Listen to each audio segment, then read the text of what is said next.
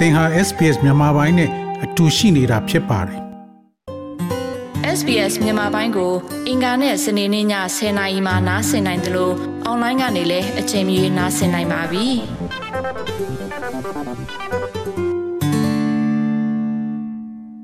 အထည်ချုပ်စက်ရုံတစ်ခုမှာအလုပ်ဝင်လုပ်တယ်အဲ့ဒီအလုပ်လုပ်တဲ့ခက်ခဲကိုပြောရမယ်ဆိုရင်အလုပ်ချိန်များတယ် မနေ့7နာရီည10နာရီလောက်ရတယ် ရတဲ့ဈေးနှုန်းကလည်း နည်းတဲ့ကြောင့်မလို့ တရက်ကမှတန်းငွေ100ကျော်လောက်ပဲ ရတဲ့ကြောင့်မလို့တစ်လတစ်လငွေထွက်လာရင်တော့3ဘတ်3000ကျော်လောက်ပဲထွက်တယ်ဒီကိုလောက်တာနဲ့ ကိုစားတာနဲ့အဝင်ငွေ အပုံငွေ တပြားမှထွက်မလာဘူး အစိုးရဝန်ကြီးဌာနတစ်ခုကဒူဦးစီမှုတယောက်ဖြစ်သူ ကိုဝနာရဲ့ရင်ဖွင့်တမ်းမှာ ပြီးခဲ့တဲ့နှစ်ဖေဖော်ဝါရီလတည်းရဲ့စစ်အာဏာသိမ်းမှုကိုလက်မခံတဲ့သူဟာအကြမ်းမဖက်အာဏာဖီဆန်ရေးလှုပ်ရှားမှု CDM မှာပါဝင်ခဲ့ပါတယ်။အဲ့ဒီနောက်မှာတော့စစ်ကောင်စီရဲ့အကြမ်းဖက်ဖမ်းဆီးနှိပ်စက်ဖြုတ်ခွင်းမှုတွေကြားမှာကိုဝနာတို့လို CDM ဝန်ထမ်းတွေဟာပေးလို့ရကိုရှောင်တိန်ခဲ့ရပါတယ်။ဝန်ထမ်းလာစာတစ်ခုတည်းနဲ့သာဖြစ်တယ်လို့ရက်တီခဲ့ရတဲ့သူတွေအတွက်တော့ဒီလိုရှောင်တိန်ကာလတွေဟာဝမ်းဝါဖို့အတွက်တောင်အဆင်မပြေလာပါဘူး။ ဒီလိုအခက်အခဲတွေကြောင့်အရင်ကအရာရှိဖြစ်ခဲ့တဲ့ကိုဝနာဟာလည်းအထည်ချုပ်လုပ်ငန်းတစ်ခုရဲ့အဝတ်ပုံတွေကြားမှာချီမွေးညက်တဲ့အလုံးနဲ့အသက်မွေးဖို့ကြိုးစားခဲ့ရပါတယ်အပထမဆုံးခက်ခဲရတော့လုံခြုံရေးပဲလုံခြုံရေးကအတိအကျနောက်ပြီးတော့နေရေးထိုင်ရေးအဲပြီးတော့စားရေးတောက်ရေးအဲ့ဒီခက်ခဲတွေရှိတယ်အလုပ်ကိုင်ရလည်းမပြီးကြဘူးကိုယ့်ဘက်ကဆိုဝင်ဝင်မရှိတဲ့ကြောင့်မလို့တော့နေထိုင်စားတောက်ရေးခက်ခဲနဲ့လုံခြုံရေးခက်ခဲပေါ့နော်အဲ့ဒီခက်ခဲ တော်တော်လေးဆုံးတယ်စစ်အာဏာရှင်စနစ်ကိုအလဲထုနိုင်မဲ့လှုပ်ရှားမှုတစ်ခုလို့ယုံကြည်မှုနဲ့စတင်ခဲ့တဲ့ Civil Disobedience Movement CDM ဟာလက်ရှိအချိန်အထိအရှိန်ပြင်းပြင်းနဲ့ရှေ့ဆက်နေသေးပါဒီလိုအခြေအနေမှာတော့စစ်ကောင်စီတပ်တွေဟာမြန်မာအဝမ်းမှာရှိတဲ့ဌာနဆိုင်ရာဝန်ထမ်းအသီးသီးကိုအလုတ်ဖြုတ်စာတွေထုတ်တဲ့အပြင်နေအိမ်တွေချိတ်ပိတ်တာလိုင်းကန်းတွေကနေမောင်းထုတ်တာဖိအားပေးချိတ်ချောက်တာတွေကစလို့ဥပဒေမဲ့ကျူးလွန်မှုတွေများစွာလှုပ်ဆောင်ခဲ့ပါတယ် မိသားစုဝင်တွေပါ အသက်အန္တရာယ်ရှိလာတဲ့ အခြေအနေမှာတော့ အိမ်အောင်စုလိုက် အိုးအိမ်ဆုတ်ခွာခဲ့ရတဲ့ ဝန်ထမ်းအရေးအတွက်ဟာ တသိန်းအထက်မှာ ရှိနေတယ်လို့ CRM အရေး လှုပ်ရှားနေသူတွေက ဆိုပါတယ် ဒီလိုဆုတ်ခွာခဲ့ရတာကြောင့် ကြုံတွေ့လာရတဲ့ စာဝင်နေရေးအချက်တဲမှာ မိသားစုလိုက် ရရအလုပ်ကို လုပ်ကင်ခဲ့ကြရပါတယ် ဒီလို ဝန်ထမ်းတွေထဲမှာ ကျောင်းဆရာမတူဖြစ်သူမတ်ဤတင်စာမြင့်တို့ မိသားစုလည်း အပါအဝင်ပါ CDM ဘာကြောင့်လောက်ဖြစ်ခဲ့လဲဆိုတော့ညီမတို့ကဟိုအာနာရှင်ကိုလက်မခံနိုင်လို့ပေါ့နော်သူတို့ရဲ့စနစ်ကိုမတိုက်လို့ပြီးတော့အရင်ပြောမှဆိုအရင်ခေတ်ကိုပြန်မသွားချင်လို့ပေါ့နော်အဖေဆိုလို့ရှိရင်အသက်60နီးပြီလေတော့ဆိုပင်စေကြီးပြန်နီးဖြစ်ပြီပေါ့နော်ဘာမသားဝင်နေရပါတော့အလောက်ကျန်လောက်ရတယ်။ဘာလို့ဆိုပယံလောက်တာပေါ့နော်။အမပယံလောက်တော့လေဒီဒီကလူတွေကလေဘာမဲလောက်အားကောင်းမပေးဘူးဒီကမပေးဘဲနဲ့လေအဲ့လိုခေါင်းပုံဖြတ်စားထားတာ အဲ့လိုမျိုးတွေလည်းကြုံရတယ်စစ်ကောင်စီရဲ့အစိုးရရန်နေရလဲပတ်မှုကိုထိခိုက်စေခဲ့တဲ့စစ်အာဏာရှင်စန့်ကျင်ရေးအကြမ်းမဖက်လှုပ်ရှားမှု CDM မှာနိုင်ငံဝန်ထမ်းပေါင်း2သိန်းကျော်ပါဝင်ခဲ့ပါတယ်။လက်ရှိအချိန်မှာတော့ပုံစံအမျိုးမျိုးနဲ့ထပ်တိုးလာတဲ့ CDM ဝန်ထမ်းအခြေအနေကြောင့်တနိုင်ငံလုံးမှာ3သိန်းနီးပါးရှိနေပြီလို့ CDM စည်ရင်းတွေပြုစုနေတဲ့ပြည်သူ့ဝန်ထမ်းအဖွဲ့ကကတိကဆီယာမတူကဆိုပါတယ်။ ဒီအရေအတွက်ဟာနိုင်ငံဝင်တဲ့အရေးအတွက်ရဲ့80ရာခိုင်နှုန်းရှိပြီလို့သူကပြောပါတယ်။စစ်ကောင်စီရဲ့အကြမ်းဖက်မှုတွေကိုလက်မခံနိုင်တဲ့ CDM စစ်သားအရေးအတွက်ဟာ1000နီးပါးရှိလာသလိုရဲ CDM ကလည်း3000ဝန်းကျင်ရှိနေပြီလို့အမျိုးသားညီညွတ်ရေးအစိုးရ NUG ရဲ့ဝန်ကြီးချုပ်မန်ဝင်းခိုင်တန်းကပြီးခဲ့တဲ့ဧပြီလကုန်ပိုင်းမှာပြောဆိုခဲ့ပါတယ်။ဒီဝန်ထမ်းတွေထဲမှာရဲမှုစစ်ကောင်စီတရင်မှုအထိယာဒူးတွေပိုင်ဆိုင်ထားကြတာပါ။ ဒီလို CDM ဝန်ထမ်းတွေတဲ့နေရေးစားရေးအခက်အခဲတွေကိုပြည်ထောင်စုလွှတ်တော်ကိုစားပြုကော်မတီ CRPH ကကူညီမယ်လို့ကတိပေးခဲ့ပါတယ်။ CRPH CDM Supporting Team တာဝန်ခံတွေကတစင်ကြက်984သိန်းကိုဒေတာအသီးသီးကဝန်ထမ်းတွေစီကူညီပေးခဲ့တယ်လို့လည်း2021ခုနှစ်ဇူလိုင်လ24ရက်မှာထုတ်ပြန်ခဲ့ပါတယ်။အဲ့ဒီနောက်ပိုင်းမှာတော့တရားဝင်ထုတ်ပြန်ထားတာကို မတွေ့ရသေးပါဘူး။ တနစ်ကာလကြော်လာတဲ့အခြေအနေမှာတော့စိတ်ရောကိုယ်ပါထိခိုက်ပြင်းထန်နေတဲ့ဝန်ထမ်းတွေရှိနေတယ်လို့ CDM အရေးကူညီလှုပ်ဆောင်နေသူကိုဗလာကဆိုပါတယ်ဟိုကကူပြီးသွားမယ်ဆိုတော့ဒီဟိုဒီရှားကူသွားခြင်းတဲ့နေရာရောက်တယ်သူတို့အဲ့လိုပတ်စံနေရှာချက်ပြီးသွားလောက်ရတယ်ဒီစဝဲတို့တွေလောက်ရတယ်အဲနောက်ဆုံးမဈေးတွေရောက်ရတယ်အဲ့လိုမျိုးပေါ့နော်တားရတယ်ကျမကြီးမကော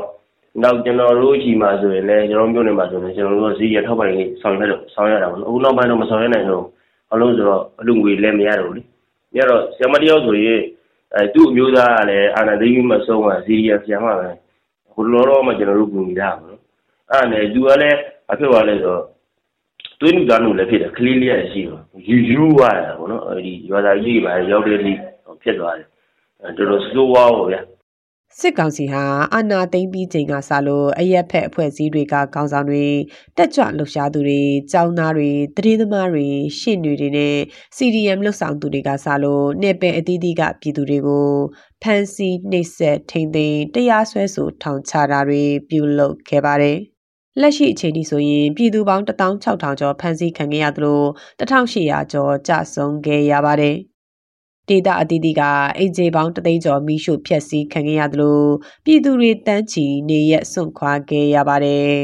။ဒီအခြေအနေတွေကြောင့် CDM တွေကိုထောက်ပံ့ပေးနိုင်မှုဟာလည်းအားနည်းခဲ့ရပါတယ်။ဒေတာတွေအလောက်ကိုင်မရှိသလောက်ဖြစ်နေတဲ့အခြေအနေကြောင့်ရရအလောက်ကျန်သမားဘဝတွေနဲ့ဖြတ်တန်းနေရတာတွေအများအပြားရှိနေတယ်လို့ဆိုကြပါတယ်။ တနိုင်ငံလုံးဒီပါစစ်ကောင်စီကိုတော်လှန်နေကြရတဲ့အခြေအနေမှာတော့အခက်ခဲတွေကပြည်သူတိုင်းလိုကြုံတွေ့နေရတယ်လို့ CDM ကျန်းမာရေးဝန်ထမ်းတူကပြောပါတယ်ကိုယ်မှာရမ်းခက်ခဲတာတွေနဲ့ကြုံလာပြီဆိုရင်အော်ငါတို့ထက်ခက်ခဲတဲ့လူတွေအများကြီးရှိတယ်ပြီးရင်ဟိုတချို့ပြည်သူတွေဆိုရင်အသက်တွေပါပေးပြီးတော့ဒီဒေါ်လာရင်းအတွက်ကိုလုပ်နေကြတယ်ပြီးရင်ဘာမှအပြစ်မရှိတဲ့ကလေးတွေဆိုလဲတောထဲမှာဒုက္ခတွေရမ်းခံပြီးတော့မိဝေးဖဝေးနဲ့ ဟိုကိုမောင်လေးအရွယ်လေးတွေဆက်ရှင်နေပြည့်ပြီးသားလေးတွေကလေးတွေအများကြီးတောထဲမှာနေကြရတယ်အဲ့ဒါတွေကိုကိုကပြန်ပြီးတော့ဟိုမိုတီယူရတာပေါ့နော်ဒီကလေးတွေတောင်မှဒီလောက်ထိခက်ခဲပြီးကြန့်ခံနိုင်နေရပဲငါတို့ကဘဝလေးပဲပေါ့နော်ဒီအလုပ်လေးပဲဆုံးလွတ်လိုက်ရတာငါတို့အဆင်ပြေအောင်နေရမယ်ဆိုတော့စိတ်နဲ့ပဲပြန်ပြီးတော့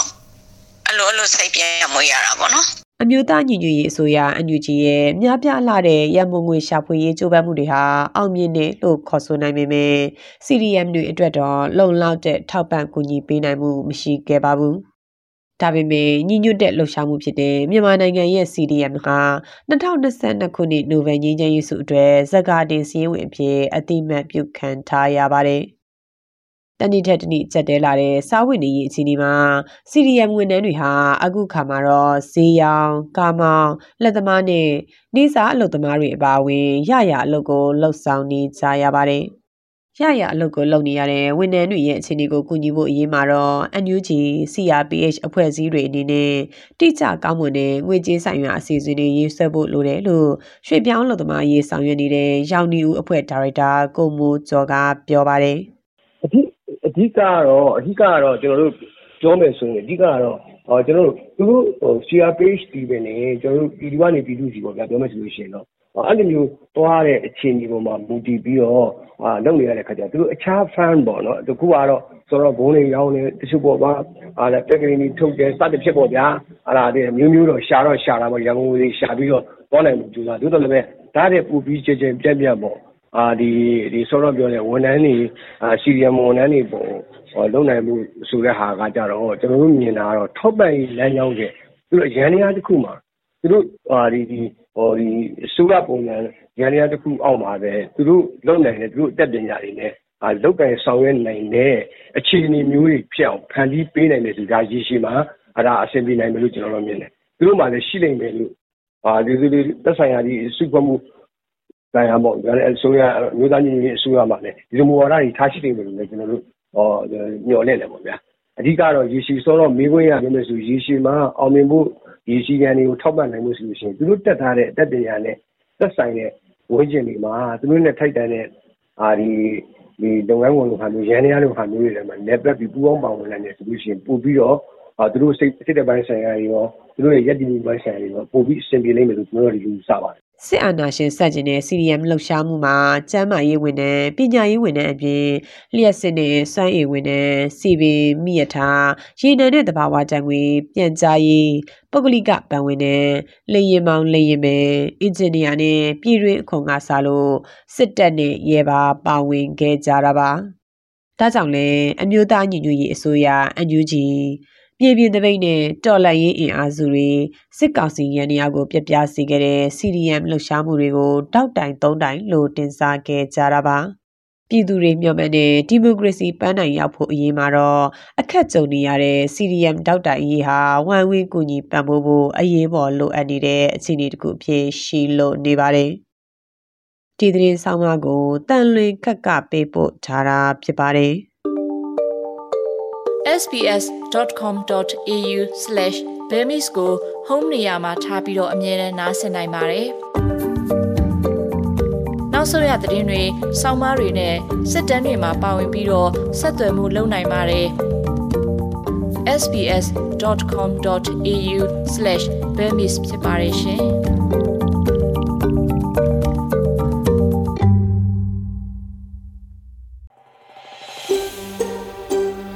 ဒါမျိုးသတင်းဆောင်မတွေကိုပိုနားဆင်လိုပါလား Apple Podcast Google Podcast Spotify တို့မှာသင်ပင်ရာဖြစ်ဖြစ်ရယူတဲ့ podcast ကနေပါ